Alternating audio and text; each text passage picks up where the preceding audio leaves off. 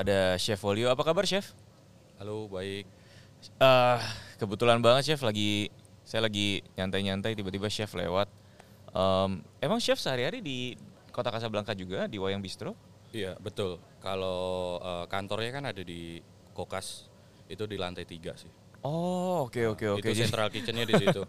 Iya yeah, nggak Untuk kebetul tabletop catering. kebetulan saya emang sering kerja sambil nyantai di sini. Soalnya kalau untuk Wayang Bistro ukuran cafe gitu ya, em, tempatnya agak jauh dari keramaian di kota Kasablanka. Jadi em, lumayan nyaman gitu untuk WFH atau eh, kerja di sini di masa-masa pandemi gini lumayan aman. Tadi saya udah pesen tape gulung tiga rasa. Nanti chef eh, mau pesan lagi atau mau barengan sama saya aja nanti kita bagi tapenya. Oh, Enak sih, Chef. nanti barengan. Hmm. Paling sama ngopi aja sih paling. Oh iya benar benar benar. Aha. Eh, mas mas kita minta kopinya dua ya. Eh, mau black? Black coffee. Oke blacknya dua mas. Thank you ya. Iya. em, kalau saya sih makan favoritnya lumpia goreng, tape gulung tiga rasa di sini. Itu chef juga yang waktu itu bikin menunya mungkin atau ikut dalam prosesnya. Iya, ikut dalam prosesnya sih. Oh, Eh, oke. Sebenarnya menu-menu itu kan cocok buat ngopi ya, jam, Iya, jam bener. sore gitu atau pas Bener, lagi bener, small small meeting gitu. Iya benar-benar. Ini Oke juga. ini kalau gue di Wayang Bistro pasti favorit sih chef. Gimana eh, chef dengan dunia kuliner sekarang nih lagi pandemi kayak gini? Masih sibuk di dapur? Atau Kalau untuk sekarang sih kesibukan ada, cuman emang lagi turun aja sih karena peraturan pemerintah kan juga semuanya dibatasin. Yang Betul. biasa wedding atau annual event itu ada, tapi sekarang jumlahnya kan dibatasin, cuman Hmm. 25% juga kan. Iya betul betul. Itu sih jadi ya berdampak, Iya. tapi ya masih oke kita sih. datang. Ya makasih ya mas. Makasih Mas. Iya em, karena eh, saya kan eh, vendor wedding juga, jadi ngerasain lagi turun. Terus eh, saya rasa eh, yang paling dipertanyakan itu kan pasti nggak jauh-jauh dari kesehatan. Kalau ngomongin Betul, kesehatan, Betul. apalagi lagi di covid gini nggak jauh-jauh dari apa yang masuk ke mulut kita gitu Iya, kan. betul. Itu yang sensitif sih sekarang. Bener, bener banget. Jadi kayak pertanyaan seribu umat aja sih chef. Em, selama covid gini, gimana caranya supaya makanannya bisa tetap aman gitu?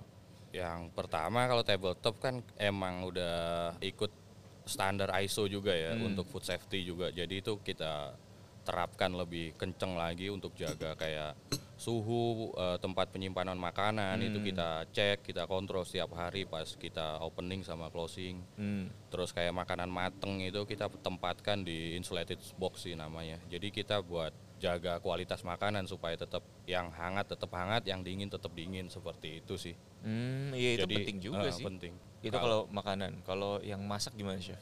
kalau untuk yang masak di tabletop rutin ada sebenarnya hal simple yang kita lakukan di tabletop. Jadi kita ada kayak eh, awareness sih ke staff. Mhm. Jadi kita kasih awareness COVID. Kalau yang sekarang kan COVID ya.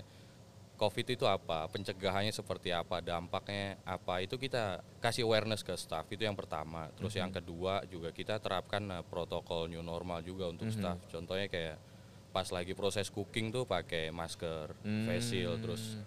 sering cuci tangan. Iya, iya, iya. Terus untuk pas lagi megang mak- makanan yang mateng itu tetap harus pakai hand glove. Iya.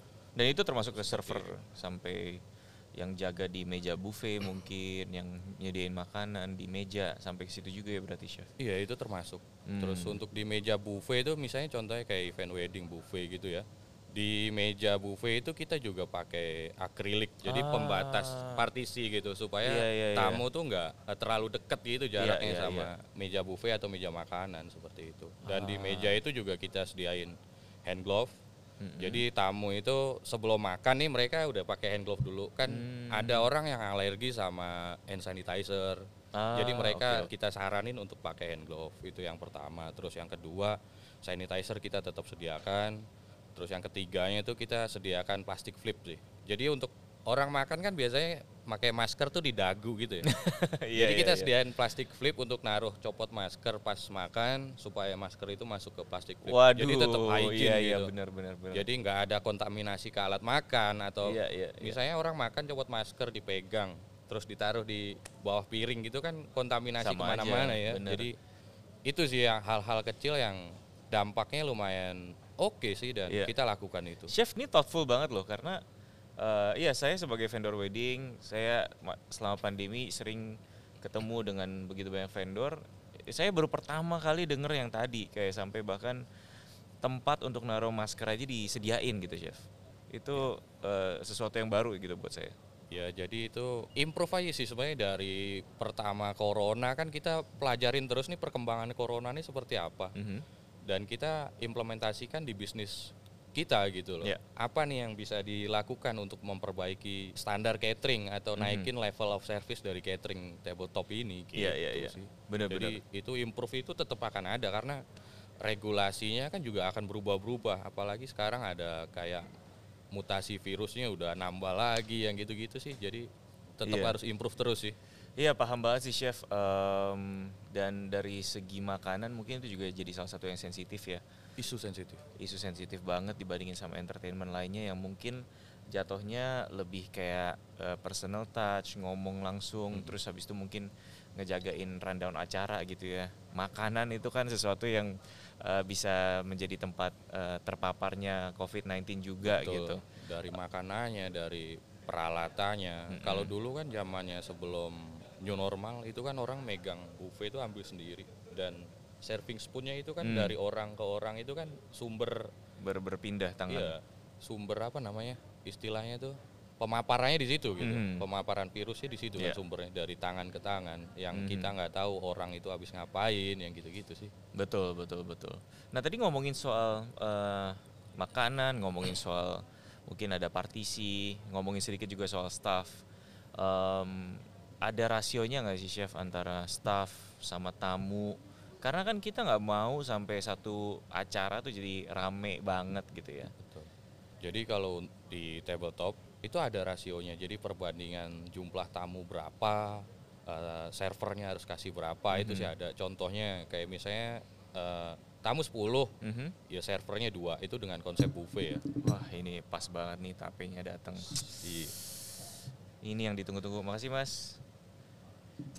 Jadi gimana tadi Seperti itu chef? sih. Ada rasionya ternyata ya? Ada ada rasionya. Jadi ada rumusnya. Jadi supaya pas lagi serving itu juga nggak chaos juga. Hmm. Seperti itu sih. Jadi untuk di tabletop itu untuk event buffet biasanya 10 banding 2 sih untuk servernya. Ah, Jadi oke, 10 oke. tamu, 2 server. Iya, iya. Untuk di era sekarang ya seperti itu. Hmm. Karena kan dari segi jarak tamu yang duduk itu kan juga berpengaruh juga. Iya betul. Gitu sih. Dan kalau dari staffnya sendiri ada regular tes kah atau mungkin em, dari chefnya kalau misalnya kliennya mau ngetes gitu ya mengizinkan gitu untuk krunya dites juga. Kalau untuk staff saya sih ya ada sih kebetulan Mhm. emang dari perusahaan juga eh, ngadain regular swab gitu. Hmm, Antigen sih sekarang. Oke oke oke. Gitu sih. Jadi Nah, ini itu yang penting per nih, dua Chef. minggu biasanya. Ini penting nih karena Gitu. kalau staffnya tadi 10 banding 2 gitu misalnya ya. Berarti kalau misalnya klien yang harus membayar biaya swabnya itu lumayan ya chef. Iya lumayan. Sekarang di angka berapa ya? 250. 250 Ya, itu udah Segitulah ya kurang lebih Kalau ya. pakai surat dokter itu udah paling murah tuh chef Iya. ya kan. Tapi oh, ternyata dari tabletop sendiri udah sering ngetes berarti ya. Itu Wow. reguler dilakukan sih. Mhm. Jadi kita juga nggak mau kita kan berada di industri yang sangat sensitif ya, maksudnya Iya. makanan itu akan bersentuhan langsung dengan customer gitu. Kita Betul. juga nggak mau tabletop ini jadi cluster seperti itu sih, karena pengaruhnya udah susah Hmm, nanti ke depannya kalau mis- paham sih. Eh sambil makan chef? Yuk, Monggo monggo. kita sembari ngopi lah. Ini by the way wangi banget ya tapenya. Waduh. Chef kalau sekarang tuh lagi banyak eh, intimate wedding kan ya? ya. Betul. Em, ya pasti karena mereka mau aman, mereka mau tenang nikahnya juga. Hmm, selama ini eh, gimana sih cara ngelayanin tamu-tamu yang mungkin weddingnya intimate? Hmm, mungkin a- ada nggak sih kayak bahkan opsi untuk kayak makannya di box, take away gitu misalnya mungkin. Kan kita ngeliat banyak banget tren yang berubah ya Betul. dari virtual wedding terus ada drive thru wedding gitu. Iya. Em, apa aja sih yang mungkin ada di tabletop? Kalau di tabletop untuk intimate wedding itu kita juga bisa lakukan itu dengan set menu. Set Hmm. menu itu kalau bahasa apa namanya awamnya makan meja gitu lah ya. Hmm. Itu sih kita lakukan set menu. Terus yang kedua eh, seperti yang tadi saya ceritakan itu eh, kita juga punya konsep buffet yang yang udah ngikutin standar new normal atau dengan kenormalan yang baru ini kita udah ikutin sih Hmm. gitu sih terus kalau untuk yang take away take away itu kita juga bisa Mhm. jadi di eh, misalnya intimate wedding dengan konsep take away jadi kita sediakan lunch box terus kita juga sediakan biasanya eh, paper bag standarnya paper bag cuman biasanya dari klien tuh mereka bawa sendiri paper bagnya Hmm. seperti itu kita juga oke sih Iya iya iya. iya. Gitu. Jadi Kalau- boxnya tetap cakep dong ya, maksudnya Iya. yang, keren, elegan gitu ya. gitu. Terus ada juga yang bisa juga misalnya kayak eh, apa namanya? yang makanan box itu kan juga bisa jadi kayak model souvenir gitu ya. Mhm. Jadi itu juga ada family packet juga sih. Jadi Iya, satu iya. paket itu untuk ya 3 sampai 4 orang. Hmm, I see, I see. Jadi mereka bisa bawa, justru bisa makan sama keluarganya di rumah gitu ya. betul. Em, di di di environment yang mungkin um, mereka rasa lebih nyaman Iya. karena memang rumah sendiri gitu Betul. ya. Dan Oh, untuk packagingnya juga eh, saya pakai bukan yang biasa-biasa tapi yang benar-benar food grade sih. Hmm. Jadi yang bisa di micro juga Iya, seperti iya. itu. Iya. Ya pastinya tetap ngejaga eh, gengsinya klien gitu ya. Betul. Em, nggak mungkin kayak pulang eh, bawa box yang nggak keren. Betul. Em, jadi pastinya tetap di didesain dengan packaging yang bagus gitu ya. Ya, betul. Mhm. Kan ada juga beberapa catering tuh yang menyediakan dengan besek. Sebenarnya besek itu bagus. Kalau Hmm. dilihat emang bagus eh, seperti yang eh, otentik gitu ya. Tapi Uh-uh. secara food safety itu kan kurang karena Hmm. besek itu kan kita nggak tahu di gudangnya vendor tuh ditumpuk se segimana dan itu kan Iya, dia iya, iya. bambu kan juga kalau lembab kan juga bisa berjamur Iya. itu sih jadi konsen juga jadi kalau misalnya tamunya minta begitu saya saran ini sih eh, lebih ke yang food grade food grade aja Hmm. untuk untuk keamanan sih sebenarnya Iya benar. Gitu. Karena kita ngomongin soal eh, catering yang mungkin minimal minimal banget itu mungkin kayak 50 70 gitu ya dan kita ngomongin soal packaging yang em, ya kalau misalnya lagi eh, dalam masa pengemasan gitu benar-benar mesti dipantau dengan baik supaya dari segi makanan fresh, dari segi packaging juga tetap baik gitu ya. Iya. Jadi penting banget sih untuk bisa benar-benar ngejaga supaya packagingnya food grade dan dan tetap aman sampai tangan si penerima nantinya tamunya ya. Eh, chef, eh, kalau ngomongin soal tren gitu ya, em, sekarang lagi rame apa sih Western, Asian, fusion mungkin? kalau eh, di paket tabletop itu semuanya ada sih western Indonesia eh, fusion itu ada semua Mhm. jadi kalau kita bicara tamu wedding itu kan tergantung dari klien atau customernya. Rata-rata mereka kalau misalnya dengan konsep internasional itu makanannya lebih ke Asian sih. Hmm. Tapi kalau yang wedding eh, Melayu gitu mereka rata-rata lebih ke Western Hmm, seperti itu. Iya. Oh, jadi, jadi- tergantung klien juga sih. tergantung mereka sukanya apa kadang-kadang demografis tertentu mungkin Iya. lebih tertarik ke satu style yang Betul, tertentu gitu betul. ya semuanya ada chef di tabletop Di tabletop ada semua. Jadi Hmm. Western, Indonesia, eh, fusion ada. hmm oke oke oke. Contohnya kayak fusion tuh ya Dori sambal mata ya Hmm. gitu-gitu Iya, iya, kayak ya macam-macam lah. iya iya benar-benar kalau I em, ada stall kayak gitu-gitu jadi opsi juga nggak sih chef untuk wedding Stall itu juga jadi opsi juga sih di era new normal ini karena Hmm. setapannya kan juga berjarak gitu ya. Jadi tamu bisa ngatur antriannya mereka masing-masing seperti itu. Kalau konsep buffet kan ya satu antrian aja. iya Tapi dengan stall ya itu tamu udah bisa mau ke mana mereka ngantrinya gitu kan. udah jelas gitu ya Iya, kayak ha, flow-nya ha. gimana gitu Seperti itu sih. Uh, Di tabletop sih juga ada stall. contoh stallnya apa aja chef yang ada Kalau yang western yang ya, populer aja iya. mungkin Ya misalnya kayak salmon and croûte, beef wellington yang Waduh, gitu-gitu itu sih yang western. itu yang paling antreannya paling banyak Ya. Kalau eh, Indonesia ya kayak kambing guling. Aduh. Tapi kambing guling di tabletop nih kambing yang saya gunakan eh, tipenya domba Maroko sih sebenarnya. oh Jadi secara tekstur dia lebih lembut. Aduh. Itu kambing gulingnya terus secara kan ada kayak kambing guling tuh habis makan tuh after taste-nya bau bau kambing ya. Iya. Kalau domba itu enggak. Ais. Seperti itu sih. Chef saya tuh yang yang salah satu yang saya kangenin di wedding adalah fenomena eh, biasanya kan makan tuh setelah doa ya. Ya. saya tuh kangen ngelihat orang ngantri di stall kambing guling walaupun doanya belum selesai. ya itu eh, apa ya pemandangan yang Lucu apa ya, kan? lucu.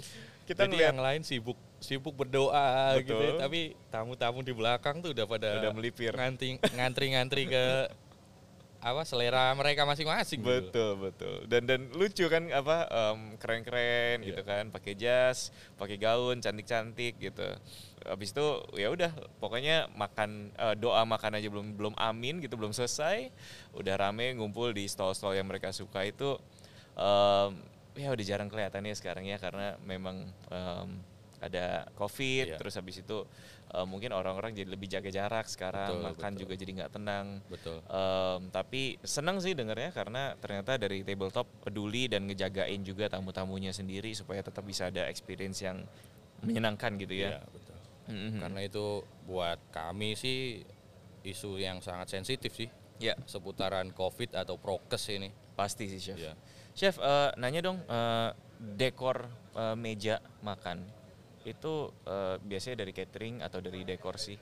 Em, dan ka- karena tadi kan kita ngomongin sedikit soal begitu banyak tren yang ada ya. Sekarang kalau lagi intimate wedding biasanya ngomongin eh, duduk di meja bundar gitu Ya. kan ya. B- mana yang jadi bagian catering, mana yang jadi bagian dekor? Kalau di tabletop itu meja untuk misalnya contohnya konsep buffet ya misalnya. Jadi itu meja dekorasi di buffetnya sampai ya semua bro, buffet properti maupun buffet equipmentnya itu dari catering sih yang nyediain. Hmm, Jadi kalau di tabletop tuh ada tiga konsep dekor sebenarnya. Jadi yang pertama itu ada rustic, hmm, ada etnik sama oriental. hmm. Itu kan yang sering digunain pas ya tema-tema yang sering digunain di wedding lah. Iya, iya, Jadi iya. tiga tema itu sih. Jadi misalnya kayak satu buffet minta konsep rustic ya kita semua buffet dekorasinya semua rustic temanya. Jadi nggak yang Hmm. misalnya di sini ada warna ini, di sini ada warna ini. Jadi customize lah ya sesuai Iya. dengan yang klien mau. ya Em, berarti kalau misalnya dekor mau nambahin centerpiece, yang lain-lain itu juga bisa ya kolaborasi aja gitu sama tabletop. Bisa, biasanya kalau dekor itu kolaborasinya saya ambil di bagian yang set menu sih. Jadi kayak round table itu kan eh, mereka punya centerpiece tuh kadang macem-macem ya. Iya. Jadi itu aja sih yang saya biasa eh, manfaatin dari vendor dekor gitu sih. Hmm, I see, I Kalau untuk dekorasi buffet, ya saya gunain properti saya sendiri. Hmm. Karena ya kadang suka nggak nyambung sama dekor sih. Ya, tapi kan Gitu. masih bisa diatur lah ya supaya Masih. bisa cocok gitu. Ya biasanya Nah, kalau di wedding technical meeting itu sih kita tektokan sama vendor sih. Iya, benar. Warnanya apa, bunganya mau seperti apa yang gitu-gitu sih. Bener bener. Nah ini jadi menarik juga karena berarti booking catering, booking tabletop udah dapet uh, at least dekor dari buffet gitu ya. Betul. Atau dekor dari misalnya dari mejanya sendiri. Jadi Betul. Uh, ibaratnya uh, mungkin dari segi dekor bisa diturunin sedikit costingnya karena ternyata dari tabletop juga udah include gitu ya beberapa yang Iya betul. mungkin masih berhubungan sama makanan. Ya buat buat klien sih itu agak agak saving budget juga sih sebenarnya. Iya chef. Eh, Oke karena setahunan lalu lah gue nikah itu nggak di provide sama catering. Jadi akhirnya kita invest banyak di dekor dan centerpiece gitu. harus mikirin lagi ya. Iya, bener. Ya oke lah kalau duitnya ada mungkin ya, tapi Iya, iya, secara secara apa pembagian pikiran kan kita jadi pecah lagi. Hmm. Yang harusnya kita nggak mikirin masalah-masalah yang seperti itu, tapi dengan catering nggak support, jadi kita harus nyari dekornya seperti apa, bunganya, Iya, yang iya, gitu-gitu sih. betul. Dan belum lagi kayak tektokannya nanti eh, dari catering sediain piringnya berapa, garpunya Betul. berapa, bisa taruh dekornya di mana itu kan juga penting. Kalau Iya. misalnya datang dari cateringnya full, ya berarti tektokannya nggak usah gitu banyak. Iya pokoknya ya tamu tinggal ngasih arahan. Hmm, klien ini maunya arahan. seperti ini loh, seperti ini loh. Tempatnya di sini, di sini, di sini. Itu kan juga menyesuaikan dengan layout dari venue atau layout dari dekor kan. Iya. Kalau untuk catering. Jadi klien tuh ya udah terima beres saja. Ah, Datang tinggal makan udah. Iya, iya, iya. Itu termasuk dari server segala macamnya kita udah Oh, oke. sih. Ya ini menarik sih karena akhirnya si tamu jadi nggak usah mikir banyak, Iya. nggak usah pusing banyak. Mereka Eh, lebih simple sih. Iya iya iya, mereka lebih one stop solution gitu ke Iya. tabletop. Wah menarik. Chef, eh, makanan apa sih yang kayak pasti di request sama klien tiga deh tiga aja kambing guling Iya itu sih Tapi nggak semua wedding kali ya, pasti kan? ada sih. ya kambing ka- tapi tren kambing guling menurut gue akan turun chef karena sekarang semuanya makan sehat Enggak, kalau di tabletop enggak juga. Enggak maksudnya juga ya? dengan maksudnya mungkin pas di awal tuh ya mikir kambing guling nggak kambing guling, tapi setelah saya kasih tahu nih kambingnya pakai domba Maroko loh. Yes. Jadi mereka tuh kayak tertarik kayak "Wah, ini kayaknya oke juga gitu. Iya, iya, iya. Jadi mereka tuh rata-rata yang order. Terus yang kedua tuh kayak salmon and crude gitu kan Hmm. western punya. Iya. Yang gitu-gitu sih. Hmm. Terus kayak stall dessert tuh misalnya kayak banana foster yang Oh. gitu-gitu sih. Jadi ada pisang di grill pakai butter, terus ada es krim, Hmm. ada butterscotch sausnya gitu. Itu sih oke sih. aduh gila kalau ngomongin kayak mereka gini sih rata-rata ngordernya itu. Iya, Pasti iya, ada iya. sih di Pasti ada di ya. stall itu.